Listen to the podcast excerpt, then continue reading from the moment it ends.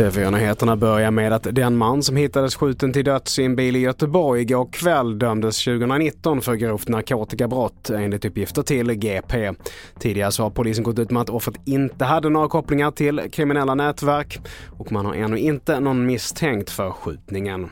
Vidare till att medan hushållen pressas allt mer för av ökade räntekostnader så är det vinstfest hos storbankerna. Och nu hotar finansministern att läxa upp bankirerna på samma sätt som när matjättarnas högsta chefer kallades upp tidigare i vår. Jag har ju haft samtal med matjättarna och eh, jag förväntar mig nu att priserna inte ska fortsätta öka utan tvärtom sjunka.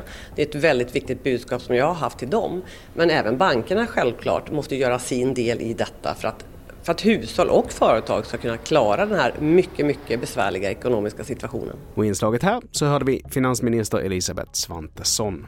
Till sist, konflikten i Sudan kan stoppa produktionen och exporten av den viktiga ingrediensen gummi arabicum som används i allt från läsk till godis och smink, det rapporterar Reuters. Runt 70 procent av all världens gummi arabicum kommer från akaciaträden i Sahelregionen i Afrika.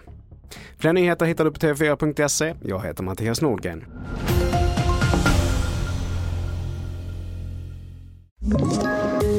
Poddtips från Podplay.